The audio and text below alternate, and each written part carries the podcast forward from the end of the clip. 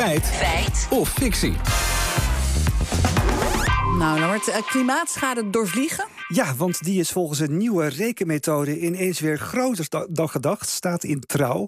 Vluchten vanaf Schiphol veroorzaken de komende 100 jaar nog drie keer meer opwarming, onder meer door condensstrepen.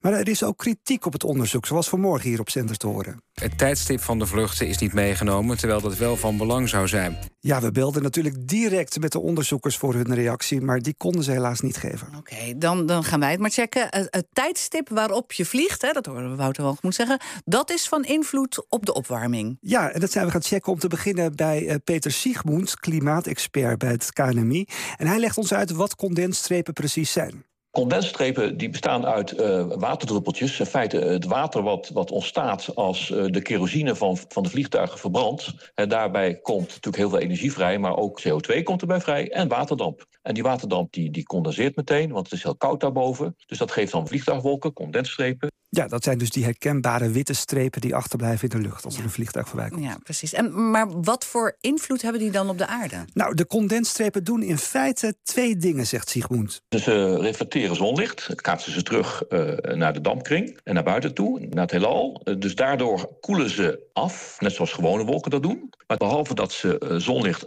terugkaatsen en afkoelen, houden ze ook infrarode straling die de aarde uitzendt tegen en sturen dat weer terug naar de aarde. Een soort broeikaseffect. En dat warmt het juist op.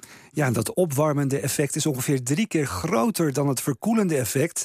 Verkoelen klinkt dus inderdaad gunstig, maar ja, dat is uh, slechts negatief als je het allemaal optelt en aftrekt. Ja, ja maar goed, uh, zonlicht, verkoeling, het maakt dus ook uit wanneer je vliegt. Ja, klopt. Het moment waarop je vliegt is bepalend voor het effect die die condensstrepen hebben, zegt oud-piloot en luchtvaartdeskundige Benno Baksteen. Het zijn eigenlijk gewoon voor wolken. En voor wolken geldt, uh, ze overdag houden ze zonnestraling tegen. En dat doen die condensstrepen dus ook. En dat zorgt dus voor afkoeling op de aarde. Maar s'nachts daarentegen houden ze die warmte tegen. Dus dan zorgt het s'nachts voor opwarming van de aarde. Nou, de vraag is wat de overhand heeft. Of voor Europese vluchten, die zijn bijna allemaal overdag. Dus daar zorgt het voor afkoeling. Voor de lange afstandsvluchten, en die zijn in dat geval ook belangrijker, die zijn ook voor een belangrijk deel s'nachts. Dan zorgt dat voor opwarming.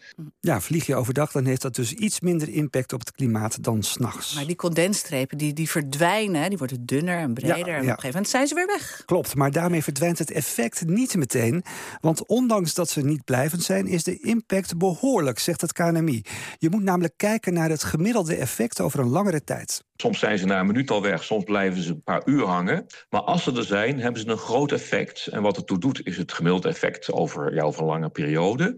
En dan is het klimaateffect van een vliegtuig nog steeds behoorlijk groot. In dezelfde orde als het effect door de CO2 die die vliegtuigen uitstoten. dus het feit dat zo'n vliegtuigwolk snel weg is, dat is geen argument om te zeggen dat het effect klein is. Want als het er is, is het meteen ook een stevig effect. Ja, en over het precieze effect zijn ze het nog niet helemaal met elkaar eens in de wetenschap. Volgens Baksteen uh, moeten we ons vooral richten op een blijvende oplossing voor het klimaat. Ons grote probleem is hoe komen we van de fossiele brandstof af? En dat betekent dat we ons moeten richten op het opwekken van elektriciteit zonder uitstoot. Hè? Ja, en dan worden alle problemen op den duur vanzelf opgelost. Want als er genoeg elektriciteit is, kan je ook voor luchtvaart brandstof maken die geen uitstoot veroorzaakt. Oké, okay.